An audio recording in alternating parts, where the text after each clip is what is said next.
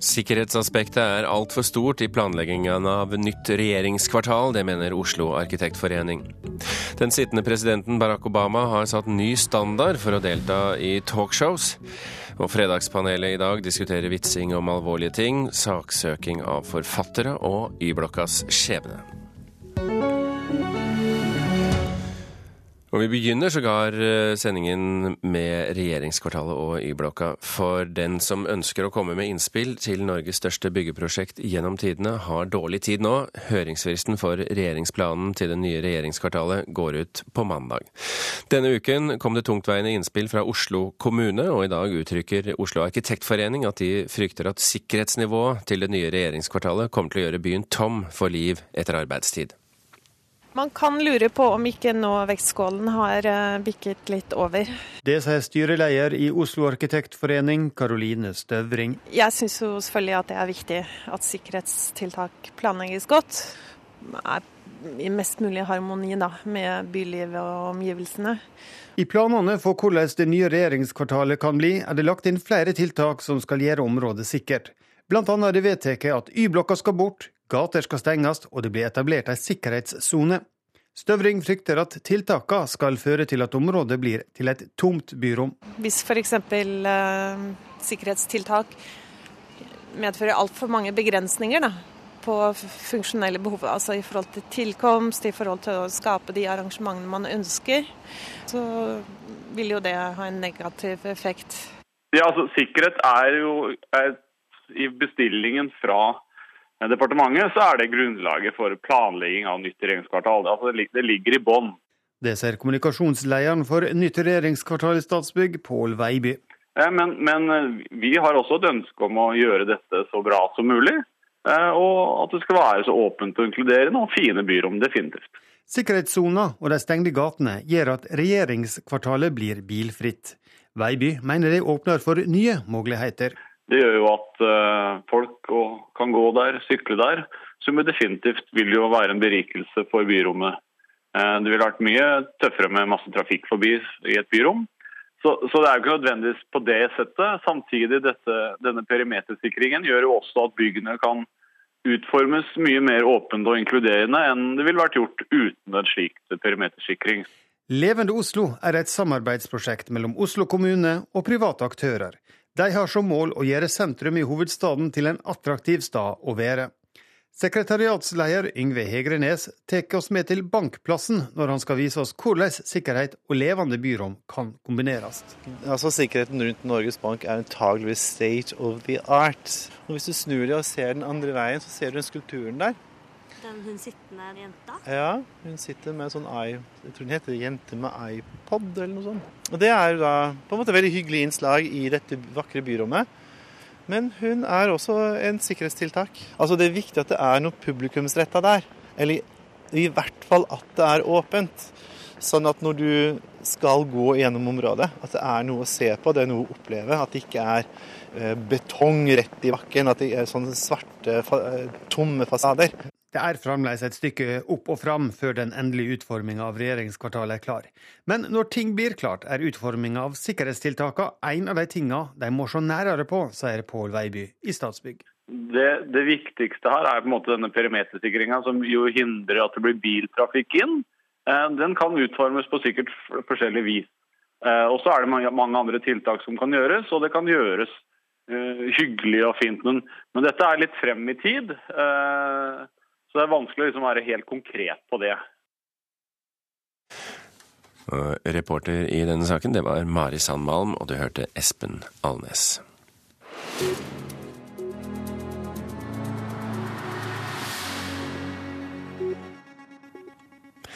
Vi skal ta en sveip over kulturnyhetene ute i verden, og mens jernbanestreiken fremdeles går, så melder bransjebladet Kampanje at det kan gå mot stusslige tider eh, på TV også. Reporter eh, Nikolai Voldsdal, eh, du har tatt en titt på kulturnyhetene. Hva med TV-streiken? Nei, altså nå går fristen ut ved midnatt for mekling rundt en potensiell ny TV-streik, som vil da kunne føre til at altså, det vil ramme to, til 250 eller 200-250 TV-arbeidere. Og ikke minst produksjoner som f.eks. Anno og flere drama- og underholdningsproduksjoner. Partene har ikke svart eller ønsket å kommentere saken overfor oss denne morgenen, grunnet taushetsplikt i og om mekling. Men det var dette forbundsleder Sverre Pedersen i Norsk Filmforbund uttalte til Fagbladet i går, og det vil bli streik om Virkeprodusentforeningen og de ikke blir enige med arbeidsgiverne om nytt lønnssystem. Ja.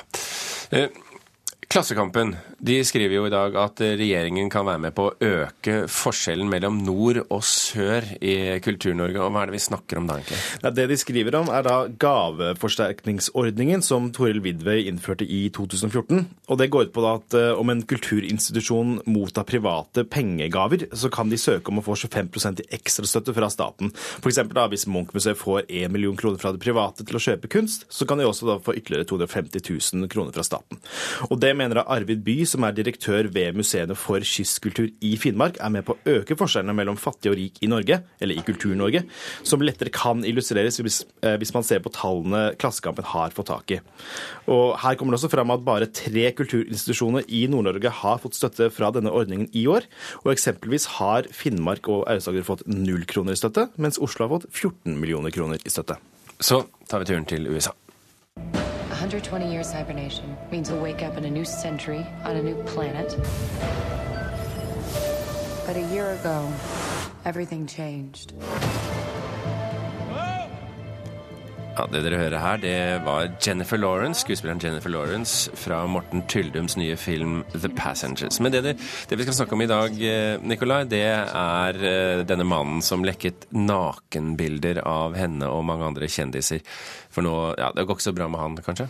Nei, Eh, ifølge The Guardian så har da 36 år gamle Ryan Collings som han heter, blitt dømt til 18 måneder føderalt fengsel i USA. I to år så bedrev han da en såkalt phishing-svindel, som rent praktisk betyr at han klarte å få tak i passord til kjendiskvinner som Rihanna og Jennifer Lawrence, um, gjennom å sende mailer til dem der han latet som han representerte Apple eller Google. Og Det gjorde det da mulig for han å få tilgang til deres iCloud og Gmail-kontoer, der han henta ut disse bildene. Men 18 måneder er kanskje da litt mildt, med tanke på at opprinnelig så anslo man, at han, man anslo at han kunne få eh, mellom, altså opptil fem års fengsel og en bot på 250 000 dollar. Ja, mm. Men like fullt. Ja. Nikolai Valsand, takk skal du ha.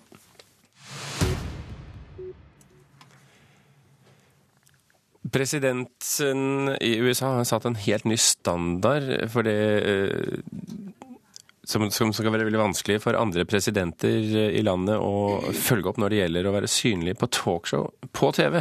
Eh, da gjerne med humoristisk setting. Alle de store talkshowene har nemlig hatt eh, besøk av president Barack Obama én eller flere ganger. When was the last time you, you actually cooked?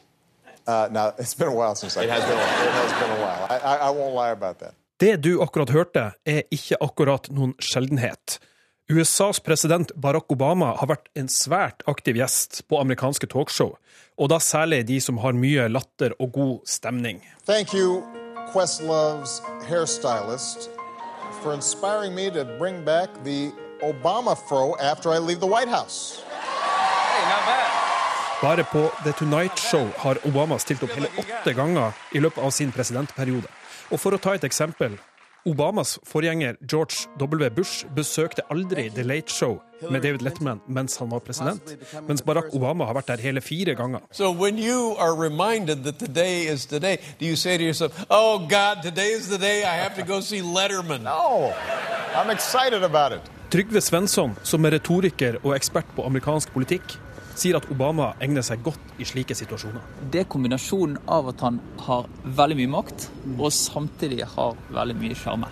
Bruk av humor er ekstra viktig for en politiker, mener han. Latter og humor det er kanskje noe av det mest grunnleggende sosiale som finnes. Bare tenk på det. Latter det, det er alltid en gruppes latter. Det er noe vi gjør sammen. Og sånn sett, i møte med politikk, der det ofte er splittelse, strid, så er det å få folk til å le noe av det mest helende du kan gjøre. Well, like what do you fight about? You know, a, a, after uh, about 15 years, I finally figured out that uh, she's always right. So, Men Svensson tror ikke det er viktig for Obama å bli huska som den kule presidenten. Jeg tror det siste han er opptatt av, er å bli husket som den kule presidenten. Men som en viktig president, helt åpenbart. Nesten alle sånne lange feature-artikler om Obama står det om at han er veldig opptatt av sin legacy, som det heter. Og det er jo fordi at han er en historisk kandidat. Sant? Første eh, svarte mann som er blitt president. Han har fått gjennomført historisk helsereform, andre typer ting. Så det, det skulle egentlig bare mangle. I cannot drive. I mean, I, I'm. I'm able to drive. Is it because you don't have a birth certificate? exactly. Og reporter i denne saken, det var Oddvin eh, Aune. Kjell Terje Ringdal, eh, førstelektor ved Høgskolen Kristiania, som også underviser i retorikk. Velkommen til Kulturnytt. Tusen takk. Hvorfor tror du at Barack Obama er så mye på talkshows? Eh, først og fremst fordi det er veldig smart. Og spørsmålet er hvorfor er det smart? Jo, fordi på talkshow så kan du vise fram deg selv, du kan vise fram hjertet ditt, følelsene dine, ditt lille privatliv. Hvilket gjør at du får en sterkere legering mellom det å være politiker og person. Fra å være bare politiker til også å bli en person som viser fram tankene dine, humoren din, latteren din, livet ditt, eh, interessene dine. Noe som gjør deg mer effektiv som politisk kommunikator. Men, hvilke egenskaper er det han, og for øvrig også kona Michelle, har, som gjør at de egner seg til nettopp dette formatet? Ja, I utgangspunktet så er det jo som, eh, som Trygve Svensson sier, at uh, dette handler om makt. Altså Man blir ikke invitert til talkshows verken i USA eller Norge eller Sverige hvis man ikke har en eller annen kraft eller makt. Sånn at uh, den grunnleggende motoren for å, for å komme i de situasjonene er jo da at du har noe å levere på det formelle planet. Altså man er en maktpolitiker. Det er grunnen til at Jonas Gahr Støre og hans kone blir invitert til Skavlan, og at det er interessant for oss å høre politikeren, men også ektemannen Støre i Skavlan. Sånn at denne kombinasjonen der er den som teller. Men, men jeg har jo lagt merke til at Obama som regel klemmer inn et eller annet politisk, altså om det er om helseforsikring eller tilbakebetaling av studielån, eller om liksom, Hillary Clintons egnethet som eh, president. Er talkshows en god arena for politisk reklame? Ja. Det er det det er. Fordi eh, altså denne intimiteten som man da kan vise fram, denne, eh, denne personlige eh, stilen, gjør at det er mulig for deg å formidle politikk på en måte som gjør at den blir mer svelgbar og lettere å forstå. Fordi altså det, det, vi kan si velgerne er på jakt etter, er jo da kombinasjonen av en person med kunnskap, karakter og evne til å kommunisere. Og når du da, hvis du blir bare ren politiker, hvis du bare formidler ren kunnskap, så blir man altså i det underholdende samfunnet så blir man kjedelig. Det fungerer ikke som kommunikativ metode å bare være formell. Så det å kunne kombinere det underholdende og det morsomme og myke med politikken, gjør at politikken kommer lettere fram. Altså et slags glidemiddel for ren politikk. Men, men betyr det da at uh, uh, altså Donald Trump og Hillary Clinton, som er uh, dagens presidentkandidater, de har jo ikke valgt dette formatet. Er De, frykter de intimiteten, da? Nei, jeg tror premisset er feil. Jeg tror også de eh, vil det og gjør det. Vi har jo sett eh, hvordan eh, Trump har deltatt på Saturday Night Live og andre talkshow, helt han blir sur på dem og skal stevne dem osv. Mm. Men, men begge de to politikerne bruker også det formatet og den stilen og de arenaene for å formidle politikken. Og husk også på hvor opptatt de er av å gjøre denne koblingen mellom seg selv som politiker og seg selv som si, underholdningsfigur. Eh, Trump hadde nå et stort intervju eh, i USA i forbindelse med åpningen av hans nye hotell. Eh, som også var et format som passet godt for han som politiker, og for TV-stasjonen. Og for den som liker Barack Obama, så er det vel ikke det siste vi ser av han eh, på, på talkshow, selv om han går inn i rekken av tidligere presidenter. Kjell Terje Ringdal, takk for at du var med i Kulturnytt. Klokken eh, er skal vi se, 17,5 minutter over åtte. Du hører på Kulturnytt, og dette er toppsakene i Nyhetsmorgen nå. Sikkerheten ved Statoil-anlegg er blitt eh, satt i fare flere ganger etter at drift av datasystemer ble flagget ut til et selskap i India. I et tilfelle stoppet en indisk IT-arbeider produksjonen ved et av Statoils oljeraffinerier etter en eh, tastefeil. FN starter nå et eh, arbeid med å forby atomvåpen. Et stort flertall av FNs medlemsland stemte i natt ja til å starte forhandlinger om et forbud. Norge stemte nei, sammen med de andre Nato-landene. Og mannen som vil overta Rygge lufthavn, har brutt regnskapsreglene i flere år. Knut R. Johannessen beklager det, og sier til NRK at det skal bli gjort bedre i fremtiden. Så har vi fått eh, vaglet vårt eh, fredagspanel for eh, denne fredagen. I Kristiansand sitter redaktør i, kulturredaktør i FVN, Karen Kristine Blågestad. Og her i studio i Oslo har vi redaktør for nettstedet Fanfare, Synne Øverland Knutsen, og forfatter Vidar Kvalshaug. Velkommen, alle mann. Tusen takk. Du hører oss, Karen Kristine? Jeg hører dere kjempegodt. Rekk opp hånden hvis det er noe du vil si når vi turer fram. Det er viktig å tulle med det som ikke alltid er morsomt, inkludert voldtekt. Det mener norske komikere. Politisk rådgiver i Helsedepartementet, Atle Simonsen, fikk eh, svært mye pepper på sosiale medier i helgen da han debuterte som standup-komiker og vitset fra scenen om voldtekt av menn. Vi spør kan det være gøy å tulle med voldtekt? Generelt nei. Eh, Kvalshaug? Ja. Blågestad? Ja. Hvorfor det, Blågestad? Eh, fordi at alt kan i prinsippet spøkes med, men jo farligere det er, og jo mer tabuisert det er, og eh, skumlere det er, jo mer krevende er det å fremføre det, selvfølgelig. Hva innebærer det? At eh, hvis man skal framføre en voldtektsvits, så må konteksten være riktig. Det må være en nesten helt genial vits, og eh, det må fremføres eh, sofistikert. Og det var vel ikke tilfellet helt i denne saken. Øvland Knutsen, du var ikke Å nei. Ja, eh, nei, jeg tenker jo at når man utarbeider prinsipp, så er det jo det som skal gjelde de aller fleste. Og så er det jo litt sånn at hvis det da ikke er lov, så, eh, og noen da drar en sånn vits, og den mot formodning er morsom, så er det jo kanskje nettopp fordi det ikke er helt lov.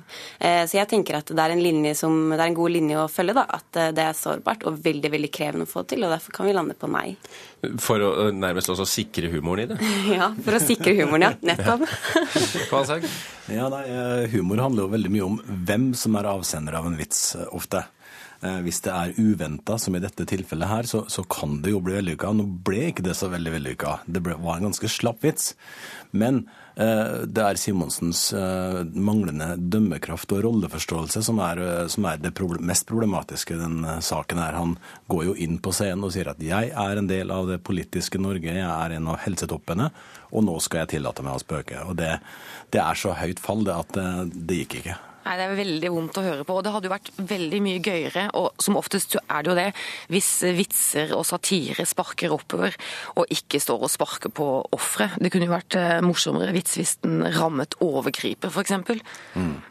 Men eh, vi snakket jo nettopp om Obama og talkshow og evnen til å gjøre seg selv eh, morsom i det offentlige rom. Er, skal, ikke, skal, ikke, Simonsen her få eh, litt kred for at han faktisk turte, da? Trenger vi ikke egentlig flere politikere og politiske eh, brukere i Eller mm, politiske eh, deltakere i nemlig dette offentlige rommet?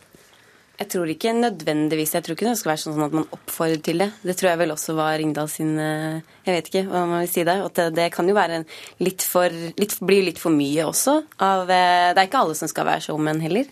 Nei, og Standup-komikk er en krevende sjanger og en krevende uttrykksform. Og svært få behersker den veldig godt. Og det fins jo ikke noe dårligere enn et dårlig standup-show.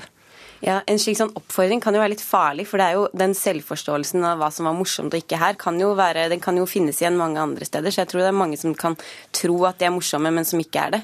Så jeg tror du må virkelig føle på at jeg har noe her å gjøre, hvis ja. du skal gjøre standup. Vi kan jo se for oss at mannegruppa Ottar stormer enhver scene uh, etter dette her, og det kommer aldri, aldri til å bli morsomt på noe vis, annet enn at det i seg selv er morsomt med den selvforståelsen. Ja. Ok, vi hopper til uh, neste neste spørsmål, som kanskje, for alt jeg vet, også handler om selvforståelse. Norske forlag går lengre i å utlevere detaljer om ekte personer hvis risikoen for å bli saksøkt er lav. Det hevdet advokat Per Danielsen denne uken. Tidligere i høst så satte jo litteraturkritiker i Aftenposten Inge Nøkland lys på debatten om hvor mye en forfatter kan avsløre av private liv i romans form osv. Siden den gang så har diskusjonen gått høyt i radio, aviser og på sosiale medier. Spørsmålet vårt er jo da tilsvarende enkelt. For ja, handler eh, dette om forlagsmoral eller juss, Blågestad? Det handler om forlagsmoral. Eh, Øverland Knutsen. Jeg håper jo at juss og moral henger litt sammen, jeg. Ja. Og forfatteren eh, Karlshaug? Ja, Det handler om folkeskikk, og at Per Danielsen har et feil premiss for eh, inngangen til det spørsmålet. Ja, Og du er udisiplinert i ditt eh, Men da skal du få lov til å starte. Hva, eh, hvorfor eh, er det et feil premiss?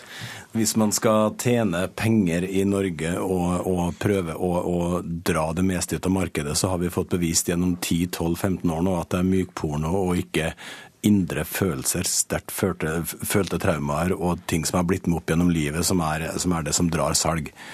Eh, pluss at det også presse en forfatter men Kan du ikke dra ut noe mer fra den barndommen? Er det ingenting igjen der? Er du nå ferdig som forfatter? Altså, Det er ikke måten det skjer på. Kommer det noe som, som ligner eh, et levd liv, som man kan google seg fram til, så gjør det det av helt andre årsaker enn ønsket om økt salg. Det, eh, var det det svaret du også ville gi, eh, Karen Kristine Blågestad? Nei, jeg, jeg syns jo denne debatten er utrolig interessant. Jeg syns Ingunn Økland reiste en kjempespennende diskusjon. Og så syns jeg at måten veldig mange forfattere har svart på diskusjonen på, og og på den måten forlagene har dukket hele debatten, viser at den diskusjonen er veldig nødvendig. Litt jeg... sånn som Vidar Kvalshaug gjorde her nå? ja, jeg tenker at hvis Ytringsfriheten er utrolig sterk, og det er bra, det skal den være. Og jeg tror ikke mer juss og lover og regler gjør samfunnet bedre alltid. Men jeg tenker at uh, ytringsfriheten er sterk, da skal også den etiske bevisstheten være det. Det bør være to, om ikke helt like størrelser, så skal det i hvert fall være to størrelser som følger hverandre tett da, på en eller annen måte. Og så mener jeg jo veldig sterkt at kunsten er ikke hellig. Kunstnere er ikke overmennesker som skal fritas all moral. Jeg har møtt for mange forfattere og kjent for mange forfattere i mitt liv til å vite at det er ganske mange normale mennesker. Nå begynte dette å bli interessant. Hvem Ja, nei, vi skal ikke inn på det. Ikke noe navn sånn på fredagsmorgen. Øverland Knutsen. Ja, jeg vil egentlig litt bevege meg litt bort fra den falske problemstillingen juss eller moral. Fordi jeg tror det handler om begge deler. Og jeg tror også det er symptomatisk at man sier juss eller moral, fiksjon eller virkelighet. Og jeg tror jo at denne samtalen her og diskusjonen ikke hadde oppstått hvis ikke det var problemet også lå et annet sted, og det er rett og slett i offentligheten. Eh, og jeg tror at man må gjenlære evnen til å lese fiksjon, eller lese fiksjon som et slør over virkeligheten. At er, det kan være litt av begge deler. Jo, men er ikke problemet her at det sløret begynner å bli vel syltynt? Ja, altså, gjør det egentlig det?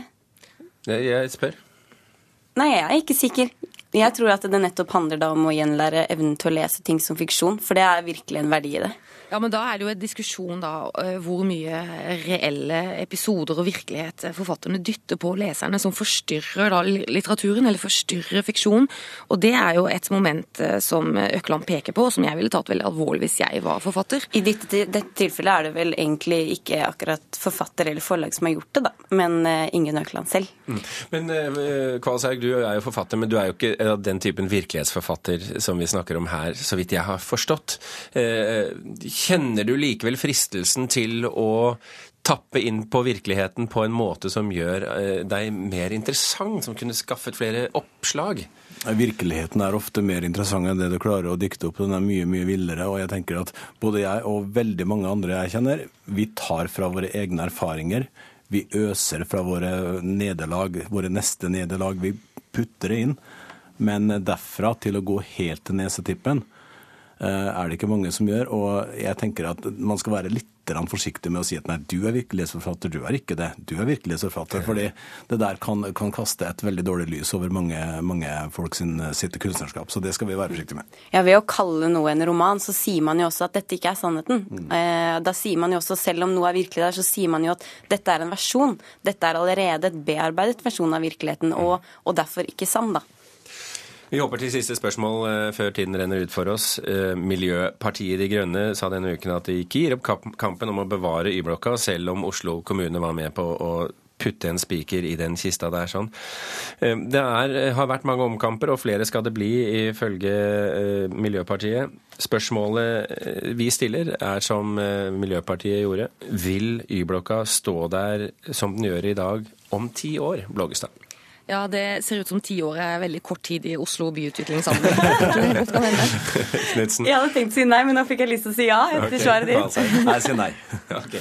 Eh, hva tenkte du på Blågestad? Nei, Det er jo så mye omkamper om så veldig mye i Oslo, så det tenker jeg fort kan bli en realitet. Og det er jo et uskikkelig politisk landskap også, så det, ingenting overrasker meg. Hvis det, hvis det står om ti år, så overrasker det meg ikke. Knudsen.